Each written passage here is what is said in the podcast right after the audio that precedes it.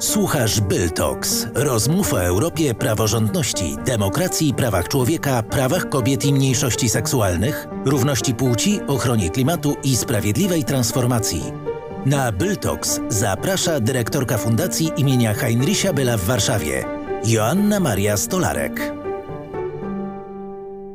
Dzień dobry, witam Państwa na kolejnej odsłonie Byl Talks. Nazywam się Anna Maria Stolarek, jestem dyrektorką Fundacji imienia Henicha Byla w Warszawie, a moją gościnią dzisiaj jest Joanna Talewicz. Dzień dobry, serdecznie witamy. Dzień dobry, witam serdecznie.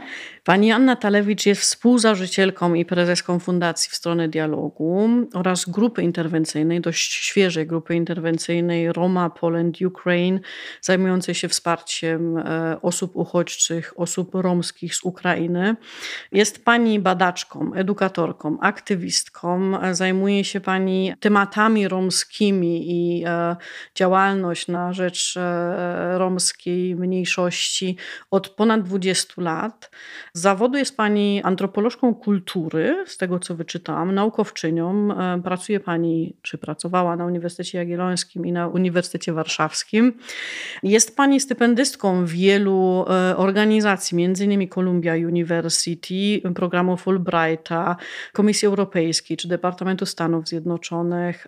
Jest pani laureatką nagrody e, imienia Olgi Kersten-Matwin, członkinią różnych organizacji, różnych gremiów, między innymi polskiej delegacji w International Holocaust Remembrance Alliance. Dużo tego bardzo dużo. Nie wiem, kiedy Pani na to wszystko znajduje czas, ale to, co najbardziej nas dzisiaj interesuje, jest właśnie działalność Pani na rzecz mniejszości romskiej w Polsce. Jaka jest jej sytuacja teraz? Sytuacja jest e, skomplikowana dzisiaj, ponieważ e, na sytuację związaną z obecnością Romów w Polsce ja dodam, że e, nasza społeczność jest w Polsce obecna od wieków, bo od początku XV wieku. Ale w Polsce nie mieszkają tylko i wyłącznie Romowie i Romki z Polski. Od wielu lat w naszym kraju mieszkają osoby, które przyjechały z Rumunii, więc imigranci, imigrantki z Rumunii. To kraj Unii Europejskiej, więc e, także osoby z naszej mniejszości korzystają z otwartych granic i szukają dla siebie lepszego e, miejsca do życia. Tak jest w tym przypadku. No ale od lutego tego roku mamy wojnę w Ukrainie, a w Ukrainie mieszka około pół miliona Romów, między 200-400 tysięcy, tak mówią statystyki. Mówi się, że może być to jeszcze wyższa liczba. I te osoby przyjechały do Polski, stąd też mówię, że ta sytuacja jest bardziej skomplikowana, ponieważ tutaj mamy do czynienia z problemem ubóstwa, też z problemem wykluczenia i to się nakłada na siebie. Natomiast e, jeżeli chodzi o sytuację Romów e, w Polsce, no to tutaj też e, możemy mówić o wielu pozytywnych aspektach, takich jak chociażby coraz więcej osób, które zdobywa wyższe wykształcenie, także osób, które są pochodzenia romskiego i posiadają tytuł doktora. No i też jest wiele bardzo aktywnie działających organizacji romskich, aktywistów, aktywistek, więc w tym sensie też dzieje się dużo dobrego. Niestety okoliczności także zewnętrzne związane z kryzysem, inflacją, wojną i wszystkim tym, co się dzieje na świecie, także w Polsce, odbijają się także negatywnie zawsze na tych, którzy są najsłabsi.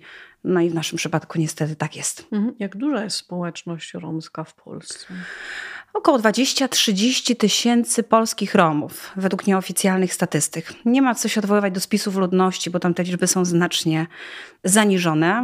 Mówi się o kilkunastu tysiącach, około 17 tysięcy osób romskiego pochodzenia w Polsce, ale już te dane, które na przykład dotyczą języka, którym te osoby posługują się w domu, są znacznie wyższe. Stąd też nawet e, nie tylko organizacje romskie, ale także Ministerstwo Spraw Wewnętrznych publikuje te dane, które odnoszą się do tych 20-30 tysięcy osób. Natomiast kiedy dodamy do tego osoby, które przyjechały z Ukrainy, a tutaj znowu mówimy o szacunkach. Mówi się, że to może być między 50-70 tysięcy, chociaż kto wie, tych osób może być znacznie więcej. Mówię o osobach romskich um, uchodźczych z Ukrainy. No stąd też widać, że sytuacja wygląda tak, że ukraińskich Romów może być więcej aktualnie niż polskich Romów mieszkających w naszym kraju. Mhm. Wspomniała Pani o aktywistach, aktywistkach, wspomniała Pani o ludziach pochodzenia romskiego, którzy robią doktoraty na uczelniach, są naukowczyniami, naukowcami, są artystami, jak na przykład mamy e, na e, weneckim Biennale pawilon polski zrobiony przez romską artystkę, czy artystkę pochodzenia romskiego. Jest to taki obraz, który się nie przebija w mediach, czy nie przebija się też we świadomości społecznej, społeczeństwa polskiego. Raczej jest taki obraz, nacechowany mocnymi stereotypami, jeżeli chodzi o społeczność romską. Jak sobie z tym radzić? Z reguły społeczność romska, no nie muszę pani mówić, jak jest postrzegana przez większość społeczeństwa, jest to raczej. Um, biedota, nie umiejąca, ja teraz parafrazuję oczywiście, tak. nie umiejąca czytać i pisać, i nie pasująca do standardów społecznych i tak dalej. Tak, te stereotypy są nam dobrze znane. Zawsze jesteśmy niedostosowani, to są jacyś oni. Jacyś prawda? oni, tak. Mhm.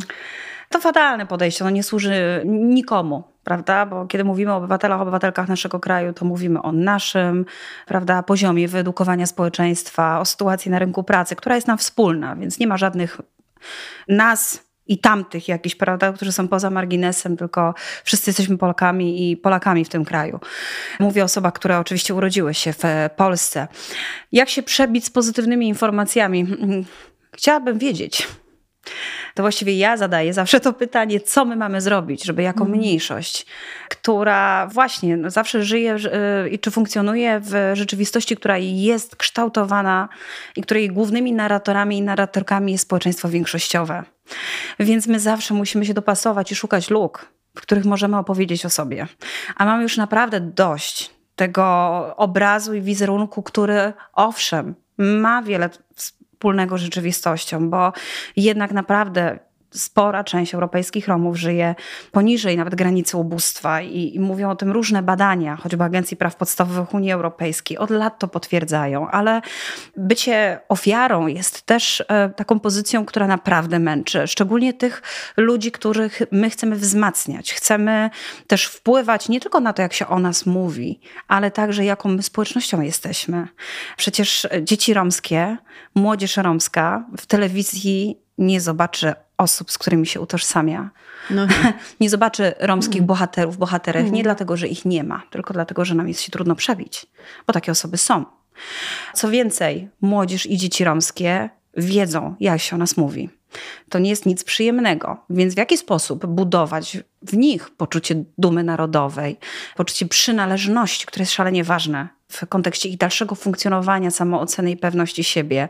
To są te rzeczy, które nas naprawdę zajmują, bo te osoby to są przyszłe pokolenia Polek, Polaków e, w tym wypadku, także grupy mniejszościowej, która jest niestety gdzieś tam spychana, a mówiąc już w kontekście takich relacji romsko-nieromskich, to jak budować mosty? Jak budować mosty i dialog z tymi, których się albo boimy, albo się z nich śmiejemy.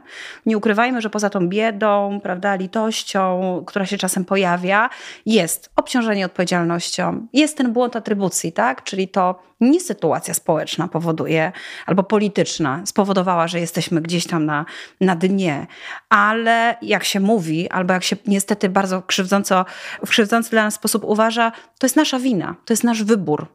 Romowie wieczni wędrowcy, jacyś nomadzi albo nomadki. To jest taka bzdura, przepraszam za wyrażenie, ale pewne wyobrażenia o nas, które są naprawdę krzywdzące, a sytuując nas w tej pozycji ofiar, o której wspomniałam, powoduje, że nasza sytuacja będzie negatywna, bo my już dzisiaj nauczyliśmy się tego, że jak nie weźmiemy sprawy w swoje ręce, sami nie zaczniemy dbać o to, w jaki sposób się będzie o nas mówić i nie będziemy dbać o to, żeby nasza społeczność, nasza młodzież, nasze dzieci mogły się edukować, żeby wiedziały, kim są i były z tego powodu dumne, a mamy się z czego cieszyć i mamy być z czego dumnymi, to nikt za nas tego nie zrobi. A też rzeczywistość jest taka, że w szkole również nie dowiedzą się niczego o swojej społeczności.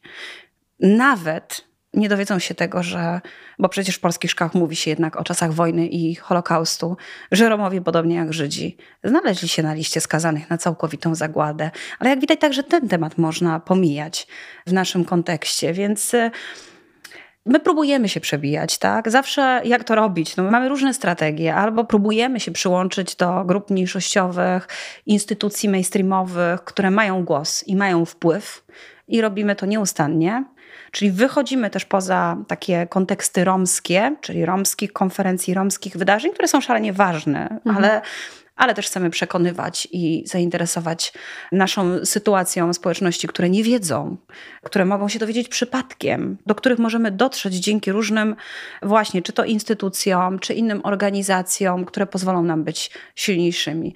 My nie mamy własnego państwa poza Polską, więc nie mamy budżetu, nie mamy reprezentacji politycznej, siły ekonomicznej, która nam pozwoli ten głos wzmacniać, więc robimy wszystko, co w naszej mocy. Staramy się może nawet i kilka razy bardziej. Mhm. Wspomniała Pani edukację. Jednym z takich stereotypów jest też, że przecież oprócz tego romantyzującego taboru, który nie chce gdzieś mieszkać w jednym miejscu, tylko od punktu A do punktu B się przemieszcza, bo chce być zawsze wolnym, wolnym człowiekiem, nie należącym do społeczności, nie należącym obywatelem wolnego świata, że tak powiem. Drugim takim stereotypem jest, że przecież Romowie, czy Romki, czy osoby społeczności Romki, że oni nie chcą się uczyć, że oni przecież lepiej żyją właśnie gdzieś, e, mówię, znowu parafrazuję, mhm. w naturze um, i nie mają jakiegoś takiego zapędu pójścia do szkoły. Czy jak to wygląda w społeczności mhm. romskiej? Czy jak wygląda ze strony rodziców, ze strony rodzin? Czy są te dzieci chętnie posyłane do szkół, czy chodzą do szkół? Jak też reaguje system edukacji polskiej na romskie dzieci? Mhm. Bardzo wielowątkowe pytanie. Postaram się na te wszystkie aspekty odpowiedzieć, ale tak, to jest chyba najczęściej słyszany przeze mnie stereotyp. Myślę, że najbardziej krzywdzący i wykluczający, że Romowie nie chcą się uczyć. Hmm. Mój argument e, taki w, stojący w kontrze do tych opinii jest taki, że gdyby tak było, to ani nasz język, ani kultura która prawda, jest przekazywana z pokolenia na pokolenie. Język nie ma formy pisanej, gramatycznej, a mimo wielu niesprzyjających okoliczności osoby z naszej społeczności, przynajmniej w jakiejś przeważającej większości, nadal się nim posługują. Już mieli taką niechęć do edukacji, tylko żyli w patrzeniu w niebo i w gwiazdy, co byłoby piękne oczywiście, ale tak nie jest. E, to by nie przetrwało. Tak? Jest rzeczywiście coś, co może stanowić o pewnych barierach, które związane są z taką formalną edukacją i w ogóle takim postrzeganiem instytucji zewnętrznych, które zawsze były opresyjne. I ja wiem, że można powiedzieć, no dobrze, mówimy o jakiejś przeszłości, ale jednak pamiętajmy, że każde drzewo ma swój korzeń. My jako Polki i Polacy również, czyli w pewien sposób, a nawet w znaczący, nasza przeszłość historyczna, polityczna wpływa na to, w jakiej kondycji jest teraz nasza, nasze społeczeństwo, e, mówiąc bardzo ogólnie i generalizująco. Tak więc e, trzeba sobie powiedzieć, że Romowie nigdy nie mogli być częścią e, żadnych e, systemów edukacyjnych. I nie mówię tutaj tylko o mm, II wojnie światowej, ale mówię też o wiekach wykluczania Romów i czasach bardzo restrykcyjnego ustawodawstwa wobec nich, niewolnictwa w niektórych krajach, prawda? Mówię o współczesnej choćby Rumunii. Od XIV do drugiej połowy XIX wieku Romowie tam mieli status niewolników. Bardzo mało się o tym mówi. Bardzo mało się mówi o międzypokoleniowej traumie. Bardzo mało mówi się właśnie o ustawach antycygańskich, które od XVI wieku były, e, prawda, częścią ustawodawstw europejskich e, państw od wieków, od XVI wieku, tak jak powiedziałam. Więc to wszystko powodowało, że w wielu miejscach sama obecność obecność Romów e, była przestępstwem. W związku z tym nabywanie własności, e, podnoszenie swojego statusu, edukacja, praca, one po prostu nie były możliwe. Trzeba było się ukrywać i trzeba było popełniać przestępstwa, żeby przeżyć prawda? Żeby mieć co włożyć do garnka, krótko mówiąc. Później lata wojny, ustawy norymberskie w Niemczech obowiązywały w tym samym stopniu Żydów, jak i Romów, więc to po prostu w wielu sytuacjach nie było możliwe. I paradoksalnie to w latach komunizmu i w Polsce też w okresie PRL po raz pierwszy zainteresowano się edukacją Romów. Tylko, że wtedy propaganda była bardzo istotna, więc wszystko musiało się zgadzać w papierach, a efekt był taki, że tworzono cygańskie klasy i utrwalił się wówczas taki pogląd, że Romowie są mniej inteligentni, co zresztą próbowano też Następne potwierdzić różnymi tak, tak, badaniami mm, mm. naukowymi, podobnymi do tych, które prowadzono w kontekście właśnie Afroamerykanów w Stanach Zjednoczonych, więc no siłą rzeczy ta instytucja jest postrzegana jako miejsce, które nie jest dla romskich dzieci. To się oczywiście zmieniło i bardzo wiele rodzin już dzisiaj rozumie, że to jest jedyna szansa na podniesienie naszego statusu, więc to się zmienia. Sytuacja ze strony tutaj, czy takie podejście ze strony romskich rodzin naprawdę się zmienia, ale Zadała mi też pani pytanie, jak ta szkoła mhm. wita dzieci romskie.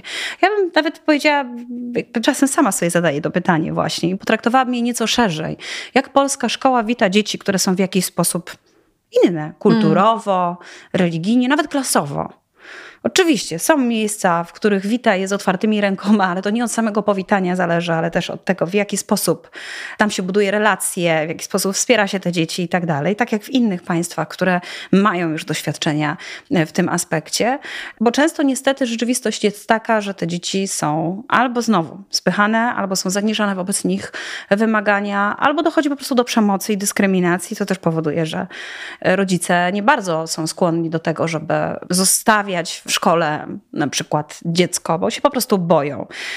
Funkcjonują asystenci, asystentki romskie, które tak mediują między rodzinami romskimi i środowiskami szkolnymi. To jest bardzo wspierające i dobre rozwiązanie i w to powinniśmy inwestować, żeby ta szkoła była bardziej przyjazna, ale nasza szkoła musi się zdecydowanie zmienić, żebyśmy mogli mówić o inkluzywności i o takim środowisku, w którym rzeczywiście przygotowujemy młodych Polaków i młode Polki, ale także osoby z różnych mniejszości, grup imigranckich, które są, bo nie jesteśmy już monolitem od Oczywiście. dawna, mhm. to po prostu ich funkcjonowania w przyszłości. Ja nie mam takiego poczucia, że ta szkoła jest tym miejscem.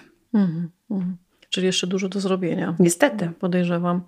Jedna rzecz, e, która mnie też zastanowiła, mówiła Pani w jaki sposób mówi się o społeczności romskiej, jakich używa się słów, w jakich używa się obrazów, jakich używa się zdjęć, jakich używa się też, nie wiem, kadrów filmowych.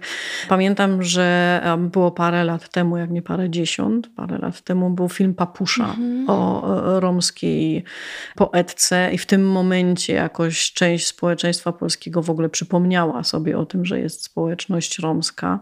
Są książki Ficowskiego, który badał społeczność romską, ale jak dostać się do informacji, jak społeczeństwo powinno informować się o mniejszości romskiej, co pani proponuje, jakim tropem pójść, czy jak ludziom wyjaśniać, jak edukować społeczeństwo, czyli tak dwa tropy, jak mówić, jakiego języka mhm. używać, jakich obrazów? I drugiej strony jak edukować. Mhm. I to nie tylko mówię o dzieciach, ja mówię o, o społeczeństwie, czyli też osoby dorosłe. Tak. Cieszę się, że Pani wspomniała o papuszy i też o tym, że sobie społeczeństwo polskie przypomniało. Tak? No tak, takie miałam ja wrażenie tak. przynajmniej. Mhm. Tak, i taki jest fakt. I to też pokazuje nam, jaką ogromną, ogromną moc mają media, w ogóle cała popkultura, czyli właśnie to wychodzenie poza kontekst romski, o czym wspomniałam na początku. To jest bardzo ważne, ale to się też wiąże z pewną odpowiedzialnością. Mhm. Jak mówić, jak pokazywać, jakie budować narracje, jak to robić? Przede wszystkim nie robić tego w oderwaniu od społeczności. I to nie chodzi o to, żeby złapać jakąś osobę pochodzenia romskiego, ale szukać osób, które są przygotowane do tego, żeby móc wspierać, nie wiem, twórców, dziennikarzy i dziennikarki, osoby, które te narracje budują, do tego, w jaki sposób właśnie je konstruować, jak o nas mówić, na co zwracać uwagę, bo Rzadko się bardzo o tym mówi w kontekście Romów, ale my jesteśmy naprawdę bardzo różnorodną społecznością, więc niezwykle różnorodną. My nie jesteśmy monolitem, my nie jesteśmy wszyscy konserwatywni, my się posługujemy kilkudziesięcioma e, różnymi dialektami. Nie zawsze jesteśmy się w stanie porozumieć, używając tego samego języka. Także aspekty kulturowe, naprawdę, tu jest tyle różnic, że my sami siebie czasami zadziwiamy tym, jak bardzo się od siebie różnimy. To jest fascynujące zresztą. Ale teraz znowu, żeby znaleźć jakiś środek, to też trzeba mieć osobę, która jest do tego przygotowana. Ja mówię o tym, bo pamiętam rok 2008 czy 2009, kiedy prezydent Sarkozy we Francji zorganizował deportację Romów rumuńskich, obywateli, obywatelek Unii Europejskiej do Rumunii co było nielegalne z prawem europejskim, z prawem francuskim, płacąc im za to 500 euro za to, że wrócicie do swojego mm. domu i podstawiając samoloty, żeby się ich pozbyć, to pamiętam, że ta sprawa była komentowana na forach międzynarodowych, ale była też komentowana w polskich mediach. I zaproszono jednego z muzyków, artystów romskich, który na co dzień występuje na scenie i pytano go o kwestie prawne, polityczne i tak dalej. A jak później czytałam w komentarzach, to stało się kolejnym powodem do tego, żeby powiedzieć, Boże, jacy oni są nieprzygotowanie, co oni są niewykształceni, prawda? Takiego ośmieszenia troszkę nas i mm. usytuowania nas znowu w tym obszarze związanym ze stereotypowym postrzeganiem tej społeczności. Więc ja też na to bym zwracała bardzo mocno uwagę, żeby robić to ze społecznością i robić to z ogromną wrażliwością. Dlaczego ja o tym mówię? Dlatego, że ja kilka wywiadów w swoim życiu w mediach tak zwanych mainstreamowych, ważnych udzieliłam. Nie jestem osobą związaną ze światem mediów. Mimo tego wiem, że każdą rozmowę należy autoryzować, ja już się tego nauczyłam. Ale chyba dwa razy umknęło mojej uwadze autoryzowanie zdjęcia. A dzisiaj ludzie też myślą właśnie lidami, obrazami, prawda? Jest taki szybko, szybki dostęp do tej informacji, więc często nie jesteśmy w stanie tego przetworzyć. I otóż właśnie okazało się, że teksty, w których mówiłam o pozytywnych rozwiązaniach, właśnie które miały być przebiciem takim delikatnym tego muru niechęci, nieobojętności albo niewidzialności, po prostu sfotografowany był zdjęciem, które nawiązywał do dobrze znanych stereotypów, więc ja przegrałam z clickbaitami. Mhm. Mówiąc szczerze. I ja bym też zwracała na taką naprawdę dużą wrażliwość i rozważność, bo to naprawdę nikomu i niczemu nie służy. Bo po co to robimy? Ale też wiem, że e, rozmawiałam z moją koleżanką, która jest dziennikarką i która przygotowała taki tekst o romskiej społeczności. Powiedziała mi, wiesz, przejrzałam wszystkie najważniejsze światowe agencje fotograficzne. I nie ma po prostu zdjęć, które nie stygmatyzują Romów. Romów, którzy nie są albo, muszą być albo artystami właśnie na scenie występującymi, albo tymi wolnymi wędrowcami, nomadami, co jest też taką bzdurą. Nie cała nasza społeczność wędrowała. To nie, nie mamy jakichś nomadycznych e, aspektów naszego życia, które związane jest z naszą kulturą. To część Romów tylko prowadziła wędrowny tryb życia. I my naprawdę nie wiemy, czy to przyszło z nami z Indii, bo Romowie wywodzą się z Indii, mhm. ale kilka wieków temu opuścili te Indie. Czy to było strategią właśnie, na, która umożliwiła przetrwanie? No bo jeżeli sama obecność była przestępstwem, no to trzeba było się przemieszczać. No później do tego doszły jeszcze różne inne aspekty, które komplikowały życie, więc znowu nie wszyscy Romowie są nomadami, nie wszyscy Romowie są artystami, nie wszyscy Romowie są biedni. Jest wiele innych ciekawych narracji, które mam nadzieję także zaczną się klikać. Hmm. Ja kiedyś z tymi zdjęciami mogę potwierdzić, też kiedy pracowałam jako dziennikarka i też później pracowałam w organizacji, w takiej NGO-sowskiej, która zajmowała się właśnie tym, żeby zmieniać narrację mediów piszących o różnych grupach mniejszościowych, czy to muzułmańska, czy romska i tak dalej. My mhm. staraliśmy się wpłynąć też na te bazy zdjęć, co nie jest łatwe, co nie, nie. jest naprawdę łatwe. Tych zdjęć też nie ma. Nie, nie ma ich, tak. trzeba je zrobić. Ktoś trzeba, musiał, trzeba by zapłacić, trzeba było je zrobić. My to robimy sami w tej chwili. I to właśnie by było następne moje pytanie, bo pracując w redakcji, obojętnie czy to jest e, medium e, drukowane, e, czy to jest radio, czy to jest telewizja, czy są media internetowe, ważne jest tempo. Szybko się pracuje i nie ma czasami naprawdę fizycznie czasu bardziej się wgłębić e, e, w temat. Clickbaitowanie jest ważne. Niestety tak funkcjonują teraz e, media, przede wszystkim media społecznościowe. Mhm. Taka dziennikarka, taki dziennikarz pisząc, nie wiem, chce napisać artykuł, czy jest akurat, nie wiem, jakaś rocznica, czy cokolwiek o społeczności romskiej, gdzie taka osoba ma się zwrócić, jeżeli czuje się niepewnie, nie wie, czy ten język, który wybrała, czy te obrazy, które wybrała, obrazy w sensie metafory, czy zdjęcia, które wybrała, pasują, a chciałaby się krótko, mhm. krótko doradzić, może mhm. bezpośrednio do Państwa, czy jak to funkcjonuje? Wspaniale, że Pani o tym wspomina, bo my też staraliśmy się wielokrotnie wychodzić temu, co się dzieje naprzeciw, bo prawda jest taka, że mamy wiele wspaniałych dziennikarzy, dziennikarek, to dotyczy też nauczycieli, nauczycielek, wielu różnych środowisk, mhm. ale jesteśmy naprawdę bardzo mało wyedukowanym społeczeństwem w kontekście właśnie takiego różnorodnościowego aspektu naszego społeczeństwa, takiej też odpowiedzialności właśnie społecznej i konsekwencji z tym związanych, kompetencji międzykulturowych, tak to się fachowo nazywa. Prowadziliśmy z Muzeum Polin, ale też ze Stowarzyszeniem Interkulturalni.pl różne działania, które były adresowane do dziennikarzy i dziennikarek, takie właśnie warsztatowe, edukacyjne i tak dalej. Więc tak, zgłaszać się do nas, zgłaszać się do organizacji romskich, które gdzieś są w pobliżu, szukać kompetentnych osób, które mogą to skonsultować, a najlepiej właśnie też poprosić takie wsparcie edukacyjne w tych aspektach, żeby wiedzieć i żeby też tą wiedzę multiplikować w redakcjach, które te osoby pracują. No, tworzenie tej alternatywnej narracji jest naprawdę potrzebne i to na wielu poziomach. Mm, Także, te stereotypy tak. są bardzo głębokie, bardzo. nawet e, u osób, które nie zdają sobie sprawy z tego, że je powielają. To jest takie... Poza świadomością. Mm. Naprawdę osoby, mm. które są, które osobiście na swojej drodze spotkałam, które uważam za osoby niezwykle otwarte i też wrażliwe kulturowo i społecznie. No, powielają te kalki, mity i pewne wyobrażenia o naszej społeczności, które naprawdę nie mają dzisiaj nic wspólnego z rzeczywistością, które są jakąś melodią przeszłości. I ja tak wiem, to jest po prostu poza refleksją już czasami, poza mm. świadomością. Mm. Ale to jest znowu, to naprawdę wpływa na nasze życie i na to, jak my dorastamy i budujemy też swoją pewność siebie I wie pani, to też się dzieje poza naszą świadomością. To staranie się bardziej, mhm. mocniej, trzy razy intensywniej, może jest fajnie, brzmi ambitnie, dość bohatersko, ale jest szalenie męczące i wykańczające.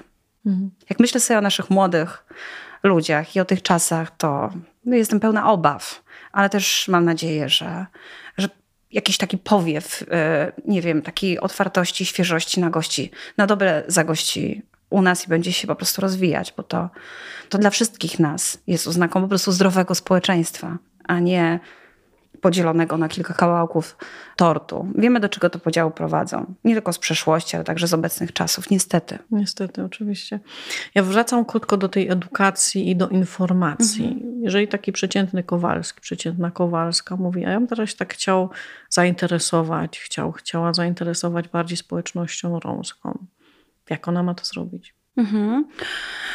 No tak, jest bardzo wiele publikacji na temat Romów i przypomniała mi się zabawna sytuacja. Czasem dostaję takie maile, Pani Anno, na przykład od mojego studenta albo studentki, albo osób, które gdzieś tam są w nauce, gdzie szukać informacji o Romach, publikacji o Romach? Dlatego mówię, no najlepiej w bibliotekach, w księgarniach i tak dalej, które ja wiem, że są czasami słabo wyposażone, ale chcę powiedzieć, że mimo tego, co się o nas mówi, myśli, że my jesteśmy hermetyczni, zamknięci, co dementuję czego dowodem jest moja obecność tutaj. Także, tak, tak, tak, tak, tak. Jacyś tam właśnie w, w, tajemnicy nie chcą mówić o sobie. No, mówimy o sobie i to chcemy mówić o sobie więcej. Chcemy być autorami, autorkami tych narracji o nas samych.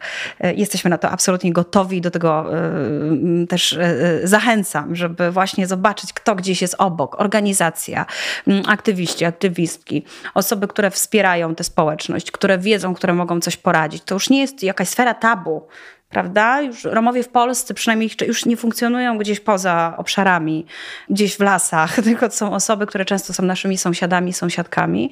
Więc jest wiele publikacji. Ja bardzo też zachęcam do weryfikacji źródeł prawda? Tak jak w każdym innym przypadku. I też na pewno bardzo serdecznie polecam e, organizacje romskie. No, nie byłabym sobą, gdybym nie poleciła własnej organizacji. Fundacja w stronę dialogu, my to robimy i wiele rzeczy edukacyjnych publikujemy, ale są też inne organizacje. Jest, e, nie wiem, Stowarzyszenie Romów w Polsce. Wiem, że ostatnio opublikowali lekcje e-learningowe na swojej stronie. U nas z kolei na stronie są e, scenariusze, które mogą pomagać nauczycielkom i nauczycielom są komponenty wiedzowe, mamy też publikacje, które wspieramy, wydajemy. Ja sama jestem autorką przynajmniej kilku publikacji wydanych w języku polskim i angielskim. Jest też Centralna Rada Romów, JAWDIK. Jest naprawdę mm, przynajmniej kilka tych organizacji romskich, które mogą wyjść na, naprzeciw i które mogą e, wesprzeć. No ale też właśnie aktywiści, aktywistki, osoby wykształcone. Pani wspomniała akurat o artystce, o Małgorzacie e, Mirze Tas. Mamy drugiego artystę znakomitego, również doktora ASP e, Krzysztofa Gila, który swoje prace też pokazuje w różnych galeriach w Polsce i na świecie. Są właśnie osoby Ela Mirga-Wójtowicz, Agnieszka Caban. Naprawdę, no, cała masa osób, które gdzieś funkcjonują też w przestrzeni publicznej. Też można znaleźć o nich informacje w internecie i śmiało zawsze można e, też prosić o poradę albo źródła i myślę, że to jest też bardzo, bardzo ważne, żeby o tym pamiętać. I jest też e, internetowe archiwum romskie, się nazywa Rom Archive i tam są materiały w przeważającej części w języku angielskim, ale nie tylko. Materiały, filmy, teksty, jakieś materiały medialne, raporty. Ja też bardzo y, zachęcam do, do eksplorowania też tego, co jest w internecie. Takie właśnie digitalne romskie y, archiwum. Jak ono się nazywa? Rom Archive. Mm, Okej. Okay. Muszę jednak wrócić niestety do uprzedzeń. Bardzo mi przykro, ale um, Wspomniała Pani i założyła Pani też tutaj tą e, grupę interwencyjną po rosyjskiej inwazji na Ukrainę po 24 lutym. Jak okazało się, że e, w Ukrainie nie mieszkają tylko biali, niebiesko oczy blondyni, tylko też e, różne mniejszości narodowe, między innymi mniejszość romska. I te osoby także uciekały przed wojną. Te osoby znalazły się na granicy, te osoby znalazły się w Polsce i mimo wielkich, otwartych serc i otwartych otwartych drzwi domów te osoby jednak nie znalazły pomocy, często nie znalazły pomocy, często też nie miały gdzie się podziać. Tutaj też zadziałały, że tak powiem, uprzedzenia, zadziałały też takie wykluczenie osób potrzebujących pomocy. Mhm. Nałożyły się jakby różne, różne uprzedzenia na siebie, w, tak w moim odczuciu. Jak pani zadziałała? Czy jak zadziałała społeczność romska i jak zadziałała właśnie ta grupa interwencyjna? To jest też niesamowite, bo niestety to się musiało zadzieć. Jak dzisiaj y, patrzę na tę sytuację z perspektywy czasu, to myślę sobie, że skoro odkąd po prostu publikowane są wyniki badań opinii społecznej, różne raporty, wiemy, że Romowie w Polsce są w czołówce tych obdarzonych najmniejszą sympatią, Mówię o grupach mniejszościowych e, tutaj w Polsce. Z drugiej strony wiemy, że w Ukrainie były pogromy w 2018 roku i tam ginęli także ludzie, nie tylko doświadczali przemocy, ale też ginęło także dziecko kilkuletnie. Grupy nazistowskie były tam aktywne w tamtym kraju, jest, było tam wiele napięć, więc no, siłą rzeczy to się musiało wydarzyć, biorąc pod uwagę, jak działają uprzedzenia, jak działają stereotypy i kiedy dochodzi do takich właśnie zachowań. Mimo tego ja chyba, nie tylko ja, ale też osoby w mojej organizacji byliśmy dość naiwni, wierząc, że będziemy pomagać po prostu osobom uchodźczym. Mhm. Taką jesteśmy organizacją i do tego się przygotowywałyśmy no niemalże od dnia rozpoczęcia wojny w Ukrainie. No szybko się okazało, że potrzebna jest inna pomoc dedykowana społeczności romskiej. Założyłam e, razem z moimi koleżankami z fundacji i z aktywistką z Poznania Pauliną Piórkowską, która jest teraz częścią naszej organizacji, e, założyliśmy grupę w internecie Poland Roma Ukraine, która miała zbierać informacje, to była grupa prywatna, która miała zbierać informacje od osób, które są w stanie pomóc osobom pochodzenia romskiego. Mhm.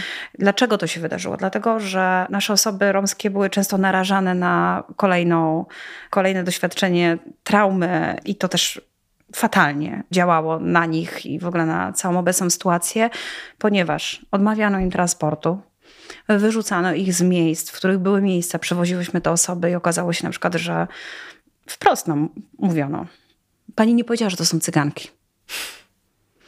E, zdarzało się, że ktoś dowoził osobę do miejsca i te osoby były wyrzucane w środku nocy. To były kobiety i dzieci. Zdarzało się też tak, ja pamiętam kiedyś odebrałam taką wiadomość głosową, gdzie kobieta romska z trzęsącym się głosem, z płaczem, nagrała mi wiadomość, dlaczego mi to zrobiłaś. I to było dla mnie, ponieważ ona została odwieziona do miejsca, w którym miała być bezpieczna i w którym miała mieć nocleg, i została z tego miejsca wyrzucona o drugiej w nocy. Więc to bardzo we mnie mocno zostało i też spowodowało wręcz taką manikalną kontrolę nad tym wszystkim, co się dzieje z tymi osobami. Ale to było trudne, ponieważ w samej Warszawie to było ponad 100 osób dziennie na samym początku. Więc proszę sobie wyobrazić, ile wyzwań było przed nami. Mówię o nas działających w Warszawie, kiedy wyzwaniem jest znalezienie bezpiecznego miejsca, gdzie te osoby mogą spędzić noc. Zdarzały się takie komunikaty, gdzie miły pan dzwonił. Wie pani, to są bardzo miłe panie, ale to panie z Ukrainy Powiedziały, że nie będą z tymi cygankami prały w jednej pralce. I wtedy po prostu grzecznie poprosił, żeby je stąd zabrać. Więc krótko mówiąc, bo to nie są tylko nasze doświadczenia, ale też innych organizacji romskich, które działają w tym obszarze w Polsce, mam takie poczucie, że na nas przerzucono tę odpowiedzialność. Że Romowie mają pomagać Romom. Tylko biorąc pod uwagę skalę liczb i to, jakimi narzędziami dysponujemy, prawda, będąc w trzecim sektorze, uzależnionymi od środków, które zdobywamy na zewnątrz, to jak my mieliśmy działać? Skąd mieliśmy wziąć te samochody? Ja je brałam od, wie pani, od sąsiadów, moi studenci studentki przyjeżdżały, prawda? Syn mój robił kanapki, no radziliśmy sobie własnym sumptem, ale efekt był taki, że y, po pierwsze to było nieadekwatne, do skali. Po drugie, cena później, którą płaciliśmy za to wszyscy, ja w ogóle nie pamiętam, co się działo przez, szczerze powiedziawszy, dwa miesiące. No ale powiedzmy, że to nie jest opowieść o nas. My jesteśmy w bardzo uprzywilejowanej pozycji, bo jesteśmy i nasze rodziny, i my byliśmy bezpieczni. Natomiast jednak narracja polskiego rządu, bo my apelowaliśmy, pisaliśmy listy do prezydenta, do premiera, no jakby ze Związkiem Ukraińców w Polsce, że jednak te osoby romskie to są także osoby uchodźcze i że one doświadczają tego wykluczenia. W odpowiedzi zawsze otrzymywaliśmy spis różnych y, przepisów, które mówią o tym, że jest wszystko dobrze. Natomiast Ministerstwo Spraw Wewnętrznych Administracji poinformowało nas o tym, że wszyscy uchodźcy są równi, nie ma potrzeby no, dedykowania specjalnych działań. Wie pani, no, nawet dialogu jakoś nie prowadzono. Co można zrobić w takim razie, żeby wzmocnić organizację które wspierają te osoby, skoro nieromowie nie chcą tego robić, albo mają jakieś opory, albo też bardzo dużo się działo w tamtym okresie, więc no, ja nie chcę nikogo usprawiedliwiać, ale też chcę powiedzieć, że jako Polka jestem bardzo dumna z tego wszystkiego, co się działo i z tego, jak się zachowywali nasi obywatele i obywatelki. Też bym nie chciała wszystkich przekreślać, ale wie pani, no nasze serca są wybiórcze. Sytuacja na polsko-białoruskiej granicy jest tego dowodem. A my, gdyby nie osoby, przyjaciele, organizacje, które zaczęły wspierać też osoby mniej uprzywilejowane, nie etnicznych Ukraińców i Ukrainki, to ja, ja nie wiem, co byśmy zrobili. Dzisiaj Dzisiaj udało nam się wpracować pewne rozwiązania. Współpracujemy z miastem Warszawa, myślę, tworząc pewien model, który, który może być multiplikowany w różnych miejscach, bo jest takim modelem współpracy nie tylko NGOsa i władz lokalnych, ale też Romów i nieromów. Bo w naszym zespole są Romowie i nieromowie. Współpracujemy z osobami nieromskiego pochodzenia z instytucji, czyli współpracujemy z systemem, który ma narzędzia i możliwości, które mogą skutecznie zadziałać i to na większą skalę. Myślę, że to jest bardzo ważne, ale tych wyzwań jest cała masa, bo z jednej strony to było tak, mieszkanie, transport i tak dalej, ale dzisiaj stoimy przed innym wyzwaniem. Dzisiaj stoimy przed wyzwaniem, które związane jest z tym, e, jak integrować te osoby, jak spowodować, żeby one poczuły się włączone, żeby właśnie zdobywały edukację, żeby się aktywizowały, a nie mieszkały kolejny miesiąc y, w Nadarzynie. Opublikowaliśmy wspólnie z moimi koleżankami Małgosią Kołaczek i Elżbietą Mirgą-Wójtowicz na zlecenie Centralnej Rady Niemieckich Sinti i Romów z Heidelbergu raport, który jest wydany w polskiej i angielskiej y, wersji y, językowej, który jest też dokumentacją tych wszystkich przypadków, które miały miejsce, ale jest też tam lista rekomendacji, mhm. które mogą pomagać. I my to bardzo mocno realizujemy. Stworzyliśmy też w Warszawie Centrum Społeczności Romskiej, które jest takim miejscem, które wspiera te osoby, ale już w tych kolejnych krokach, po tym jak już mają bezpieczne mieszkanie, są w sytuacji bezpiecznej, prawda? Nic nie zagraża ich życiu tutaj, to one muszą jakoś funkcjonować. Dzieci muszą też wychodzić z tych różnych mrocznych mm. etapów w swoim życiu, bo to mm. jest szalenie ważne. Mm. Czyli państwo zostawiło was um, samych sobie, tak. koniec końców, czyli tak. struktury lokalne bardziej tutaj zadziałały, bo wspomniała pani jakiś model z miastem Warszawa, który jest modelem specyficznym, ale modelem, który można by powtórzyć w innych miejscowościach. Zdecydowanie tak i w ogóle mam takie poczucie, też rozmawiając z innymi organizacjami, z różnymi osobami, nie tylko z romskiej społeczności, że w ogóle lokalnie to zdecydowanie lepiej e, zadziałało niż na poziomie centralnym. Absolutnie tak. Mhm. A co to jest za model w Warszawie? W Warszawie e, nasza e, fundacja podpisała porozumienie z miastem stołecznym Warszawa osoby romskiego pochodzenia, które przyjechały do Warszawy, mieszkają w hostelach miejskich, jest ich kilka w Warszawie. To nie są miejsca długoterminowego pobytu, czyli to nie są takie krótkoterminowego pobytu w których i tak ludzie mieszkają za długo. Mam tutaj na myśli hale takie, -hmm, prawda? No bo to nie jest miejsce, w którym można dłużej mieszkać, tylko to są miejsca właśnie, gdzie mają takie pokoje, jak w hotelach, w hostelach. E, mają do dyspozycji kuchnię, czyli coś, co przypomina, można powiedzieć, jednak e, dom, ponieważ tworzy przynajmniej jakieś takie przestrzenie prywatne dla tych e, osób. To jest jedna rzecz, ale też we wszystkich tych ośrodkach są osoby z naszej fundacji czyli członkowie i członkini naszego zespołu interwencyjno-asystenckiego. My przede wszystkim edukujemy osoby nieromskiego pochodzenia, edukujemy też urzędników i urzędniczki i też osoby, które na co dzień wspierają wolontariuszy i wolontariuszki. To jest jedna rzecz. A dwa, to jesteśmy przy każdej relokacji, przy każdym przyjęciu nowych osób.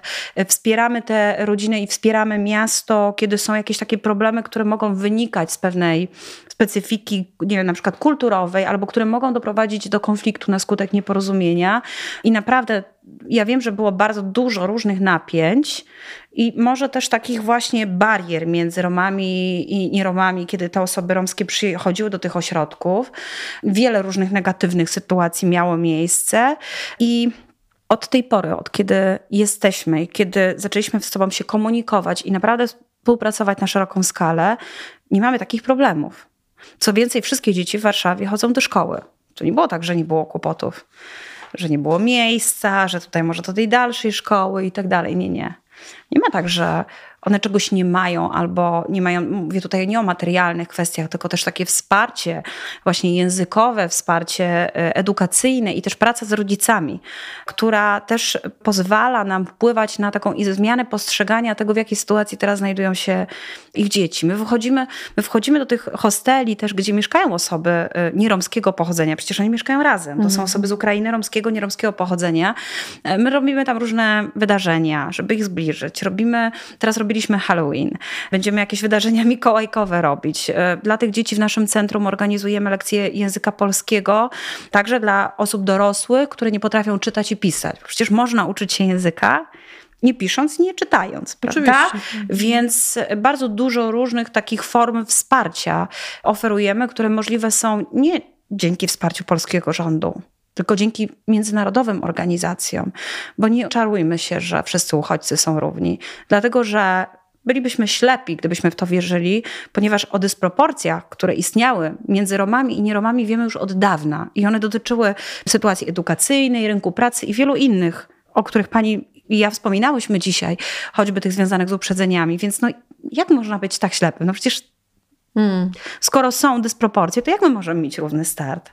Musimy te dysproporcje zmniejszać i my pracujemy oddolnie ze społecznością i naprawdę pokazujemy, mając wiele sukcesów na koncie, tak mi się wydaje, a sukcesem jest każde dziecko w szkole i każda osoba na rynku pracy i każda osoba i rodzina, która już jest samodzielna, że to jest możliwe. To nie jest kwestia która wynika z nas. Często słyszę, z nami się nic nie da zrobić. Tyle pieniędzy wydaliśmy, 10 milionów rocznie, albo tam nie wiadomo ile i nie, i dalej nie jesteście zintegrowani. Hmm. A może to gdzie indziej jest problem? Może trzeba to robić inaczej. I może trzeba zainicjować wreszcie dialog oparty także na konstruktywnej, konstruktywnej krytyce różnych osób, które są w ten proces od lat zaangażowane, konstruktywnej, czyli budującej, po to, żeby to robić inaczej być może, żeby to robić skuteczniej przede wszystkim. To jest najważniejsze. Kiedy my na to wreszcie będziemy gotowi? To jest pytanie, które sobie często zadaję, bo boję się, że jak znikną organizacje międzynarodowe, to znikną te szanse i możliwości.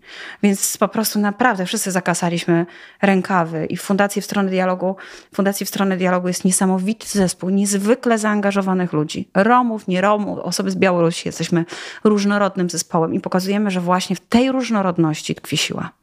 To prawie, że pozytywne zakończenie naszej rozmowy. Cieszę się, że się udało w taki sposób zakończyć. Pani doktor Joanna Talewicz, bardzo dziękuję za rozmowę. Bardzo dziękuję. To był program Byltox. Wszystkie rozmowy Joanny Marii Stolarek znajdziesz na stronie internetowej Fundacji imienia Heinricha Byla w Warszawie w zakładce Byltox.